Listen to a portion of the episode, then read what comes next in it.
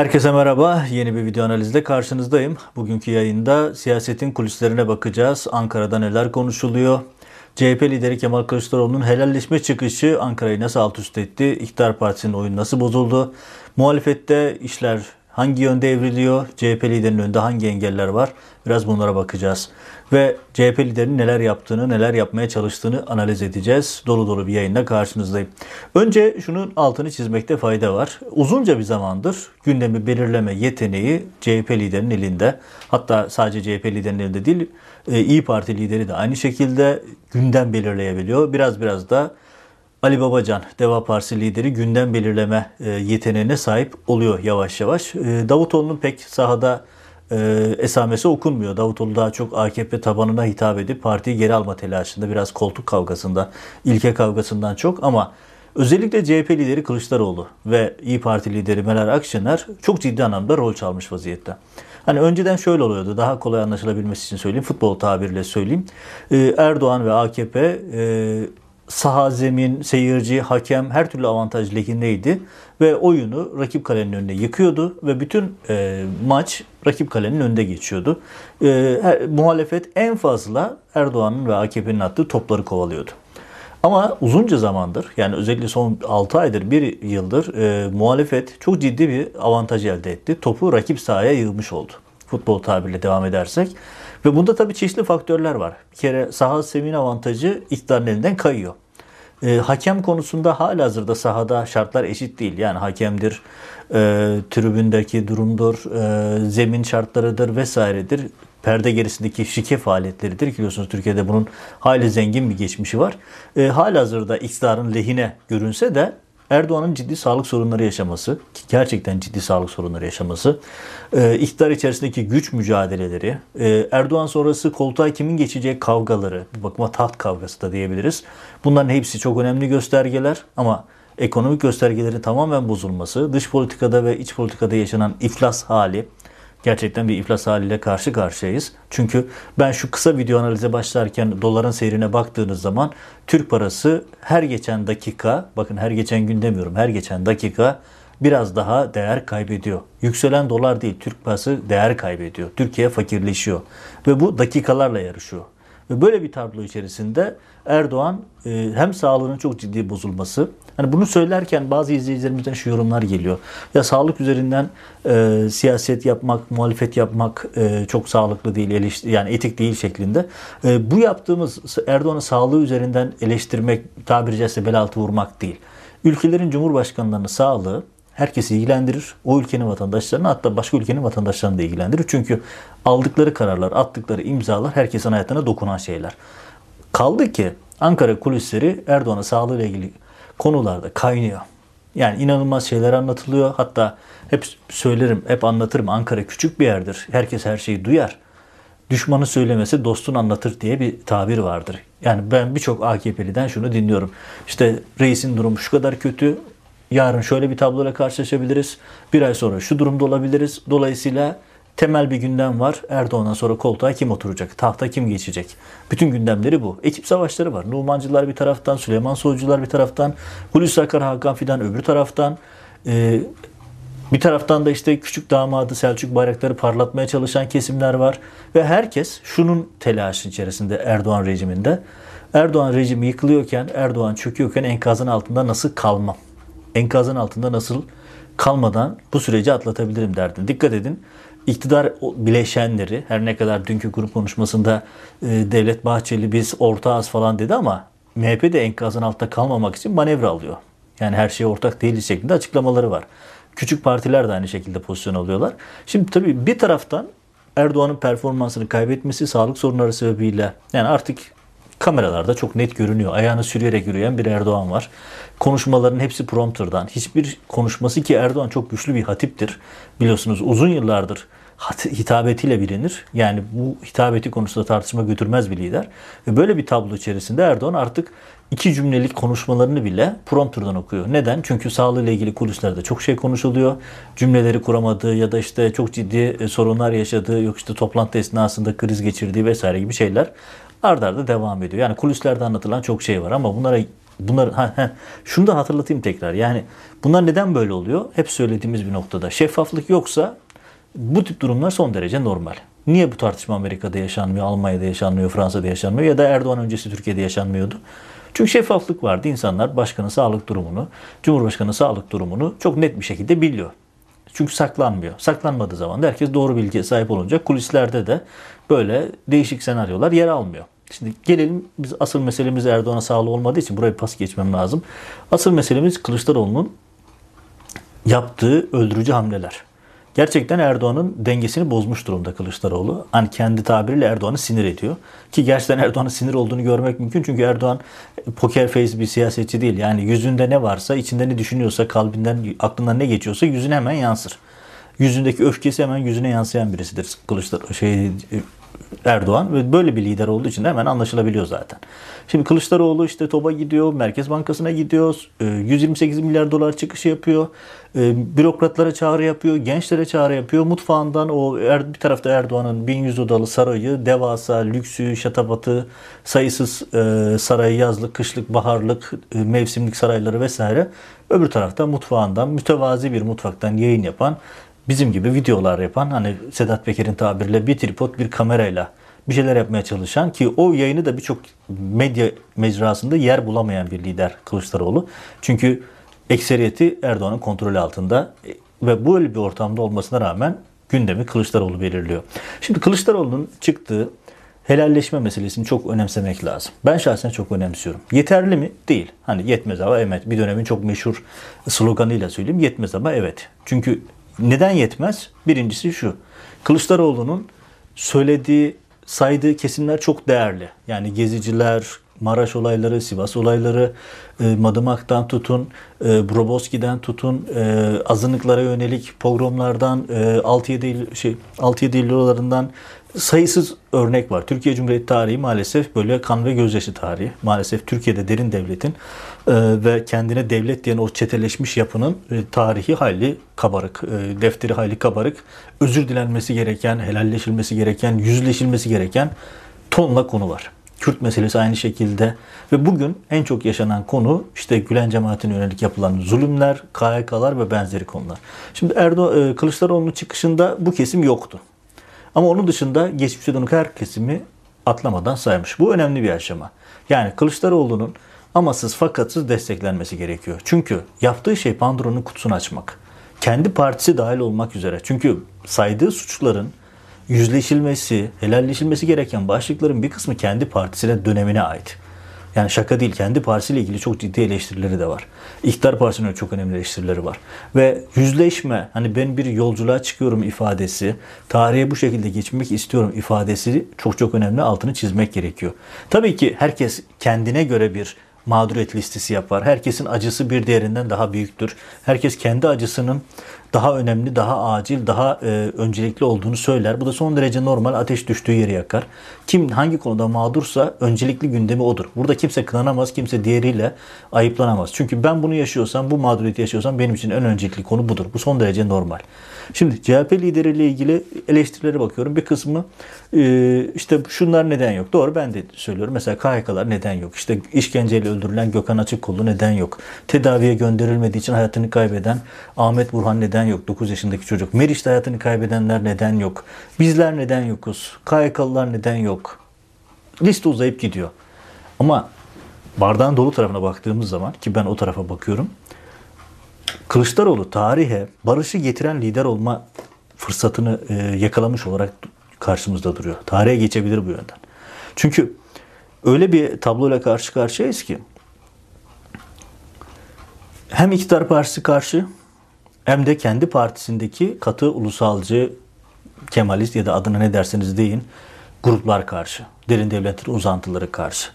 Yani Kılıçdaroğlu sadece iktidar partisiyle mücadele etmiyor bu konuda kendi partisindeki damarlarla mücadele ediyor. Derin devlet uzantılarıyla mücadele ediyor.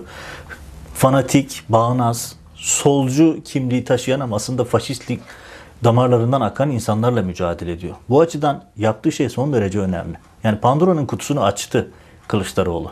Artık bu kutu kapanmaz. Çünkü ana muhalefet partisi lideri, Türkiye'nin kurucu partisinin lideri kürsüden, meydanlardan, meclisten bir günah listesi hazırladı, açıkladı. Roboski bugüne kadar kabul edilmedi.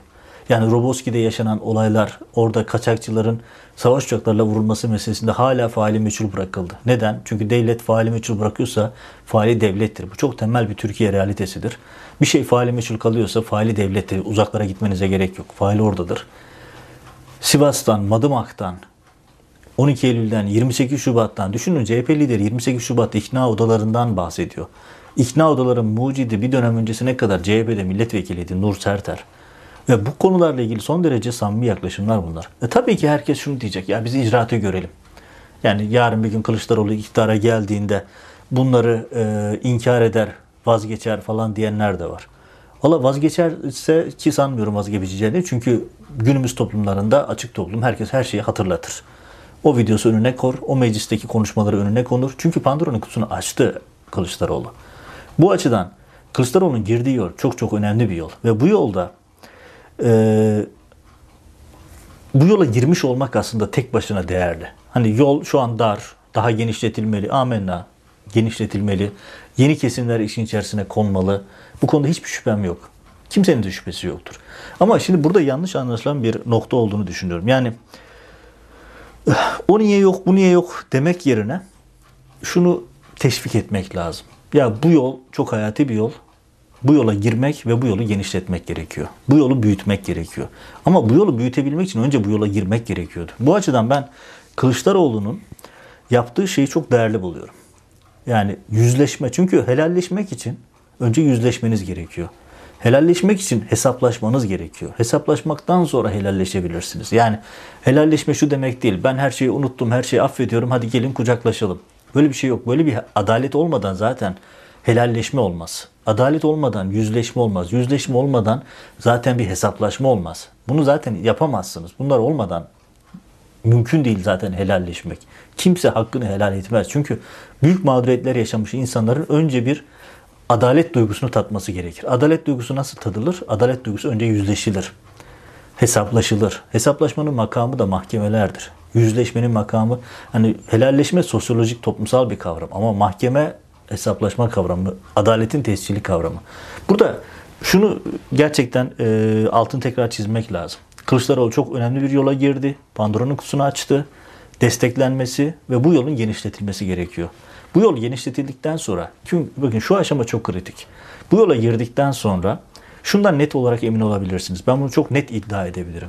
Yargı adil bir şekilde mahkemeleri işlettiği zaman, mahkemeler adil olduğu zaman günümüzün en ağır suçlamaları, en ağır ithamları dahi birinci celsede biter. Birinci duruşmada bütün davalar çöker. Bunun içerisinde 15 Temmuz davaları dahil. Düşünün yani daha bugün Kılıçdaroğlu meclisten helalleşme çağrısı yaparken Türkiye'den bilmem ne ilinin savcılığı sarayın talimatıyla asker okulu öğrencilerine, eski asker okulu öğrencilerine operasyon yapıyor. 110 gözaltı var. Ya bu çocuklar 15 Temmuz'da hani varsayalım 15 Temmuz gerçekten iddia edildiği gibi darbeydi. 13 yaşındaydı, 14 yaşındaydı. Şimdi helalleşecekseniz, yüzleşecekseniz bunların hepsi önünüze gelecek. Gelmek zorunda. KYK mağdurları gelmek zorunda. Cemaat mağdurları gelmek zorunda. Nasıl ki 15 Temmuz şeyle ilgili, e, Sivas'la ilgili, Maraş olaylarıyla ilgili, Kürtlerle ilgili, Diyarbakır cezaeviyle ilgili dosyayı açıyorsanız, geziyi açıyorsanız, Berkin Elvanları açıyorsanız, Akın İpekleri, Nakip oğullarını, boydakları da açmak zorundasınız. Çünkü onlar da aynı şekilde bu rejimin mağdur ettiği insanlar, bu rejimin ötekileştirdiği, damgaladığı ve çok ciddi mağduriyetleri yaşattığı bir e, alandalar ve bu isimler bu tartışmanın dışında kalamazlar. Ve Kılıçdaroğlu bu tartışma açtığı zaman illa ki bu tartışma oraya gelecek. Dolayısıyla ben bugün neden yok bu tartışmalar sorusunu açıkçası konjonktürel görüyorum. Çünkü bu atmosferde böyle bir tartışma bu şekilde başlamış olsa belki baştan ölü doğmuş da olabilir. E, o açıdan anlayışla karşılamaya çalışıyorum. Ama ben tekrar söylüyorum Kılıçdaroğlu barışı getiren lider olmak gibi bir fırsatı yakalayabilir. Burada en önemli engeli Erdo e, Kılıçdaroğlu'nun AKP değil. Burada en önemli engel medya değil. Burada en önemli engel başka küçük partiler değil. Burada en önemli engel CHP'nin içerisindeki klikler, CHP'nin tabanındaki, CHP'nin sağında solunda bulunan katı ulusalcı, ulusolcu ya da işte değişik şekillerde tanımlayan kendilerini derin devletle, istihbaratla orayla burayla uzantılı tipler. Erdoğan, şey Kılıçdaroğlu'nun önündeki en büyük engel o. Kılıçdaroğlu'nun barışı getiren adam olmasının önündeki en büyük engel emin olabilirsiniz Erdoğan ya da AKP olmayacak. Daha bakın daha Kılıçdaroğlu helalleşme ifadesini kullandıktan hemen sonra CHP içerisinden ya da CHP'nin etrafından hemen teviller başladı. Hatta daha bugün işte CHP'nin mevcut aktif siyasilerin isimlerini okuyorum. Kılıçdaroğlu aslında onu demek istemedi de bunu demek istedi şeklinde ifadeler kullanıyorlar ki Kılıçdaroğlu'na sınır çizmeye çalışıyorlar. Yapmaya çalıştıkları şey şu. Evet yani tamam bir hareket yaptın ama bunu genişletme. Şunlar olmasın. Bunlar sakın ha bu işin içine girmesin. Şunlar zinhar bu helalleşme tablosu içerisinde yer almasın şeklinde bir e, sınır çizmeye çalışıyorlar. Kılıçdaroğlu'nu çerçelemeye çalışıyorlar. Kılıçdaroğlu'nun işi gerçekten zor. Tekrar altını çizelim. Yani en büyük rakibi, en büyük sıkıntısı, engeli Erdoğan ya da diğerleri değil. Erdoğan'ın zaten ayaklarını sürmekten başka bir pozisyonu yok şu anda. Erdoğan'ın Kılıçdaroğlu'yla şu aşamada e, polemiğe girecek hali de yok. Bakmayın siz Erdoğan e, prompturlardan okuyarak bağırıyor, çağırıyor. Ama Erdoğan'ın ve AKP'nin kendi gündemi var şu anda ve o gündem tamamen taht kavgasına endeksli. Yani onlar şu andaki gündemleri Erdoğan sonrası partiye kim geçecek, nasıl geçecek ve bu rant düzeni nasıl devam edecek? Herkesin ayrı gündemi var, ajandası var. MHP'nin, mafyanın, e, Sedat Peker'in, Çakıcıların, Derin Devlet'in, Ergenekon'un vesaire vesaire. Hepsinin ayrı gündemleri var. Dolayısıyla onların gündeminde şu anda Kılıçdaroğlu e, ve e, helalleşme meselesi öncelikli gündem arasında yok. Burada en e, hayati konu Kılıçdaroğlu'nun ne yönde evrileceği, ne kadar cesur duracağı. Bu çok önemli. Tabi burada Ali Babacan'a da çok ciddi ve özellikle de Meral Akşener'e çok ciddi bir e, görev demeyelim. Daha çok böyle bir e, tarihi fırsat düşüyor. El Kılıçdaroğlu'nun yanında durup bu helalleşme, bu yüzleşme, hesaplaşma sürecini desteklerlerse Türkiye gerçekten tarihi bir barışı yakalayabilir. Çünkü bu şekilde bir yüzleşmeden, bu şekilde helalleşmeden, bu şekilde hesaplaşmadan Türkiye'de sadece iktidarlar değişir. İktidarlar değiştiği zaman ne olur? Başka bir iktidar gelir. Önceki iktidarla ilgili asar keser. Onlar daha sonra gücü aldıkları zaman tıpkı Erdoğan'ın sistemi değiştireceğim deyip Ankara'ya gidip sistemin elinde köle olması ve daha sonra sistemi tamamen mafyalaştırması gibi uzunca bir sürede başka iktidarlar görürüz. Ama Türkiye'nin bu aynayı kendi yüzüne tutması, kendi e, geleceğiyle ilgili bu acıtsa da bu yüzleşmeyi yapması gerekiyor. Dünyada örnekleri var bunun ve çok doğru bir hareket başlattı Kılıçdaroğlu. Bu açıdan dediğim gibi helalleşme, yüzleşmeyle, müzakereyle, tartışmayla, adil yargılamayla mümkün olur. Kılıçdaroğlu helalleşme başlığıyla bu dönemi açmış oldu. Pandora'nın kutusunu açmış oldu. Önündeki en büyük engel dediğim gibi Kılıçdaroğlu'nun barışı getiren lider olma, tarihe böyle geçme fırsatının önündeki en büyük engel de CHP'nin içindeki, çevresindeki bir takım ee, nasıl ifade edelim onları e, Kılıçdaroğlu'ndan pozisyon çalmaya çalışan isimler diyelim. Yani siyasi bir sıfat takmayalım. Bu isimler kimlik kontrolü yaparak, istediklerini mağdur, istemediklerini de görmezden gelerek bir şekilde Kılıçdaroğlu'nu çerçelemeye çalışıyorlar. Kılıçdaroğlu'nun çıkışının başarılı olup olmaması işte kendisini çerçelemeye çalışan, kendisine e, bir nevi çelme takmaya çalışan kendi çevresindeki insanlara, partililere, e, güç odaklarına, derin devleti ve benzerleri benzeri güç merkezlerine göstereceği dirençle, onlara karşı yapacağı hamlelerle alakalı bir durum olacak. Onlar bizi göster, e, onlar Kılıçdaroğlu'nun başarılı olup olmayacağını belirleyecek olan şeyler bunlar. Kılıçdaroğlu'nun dediğim gibi helalleşme ifadesinden bile aşırı rahatsız oldular bu çevreler. Yani gerçekten onlar 28 Şubat'ın adının alınmasından, ikna odasından falan inanılmaz rahatsız oldular. Bakmayın e, İktidar Partisi rahatsızmış gibi olduklarından asıl rahatsızlık olan çevreler bunlar.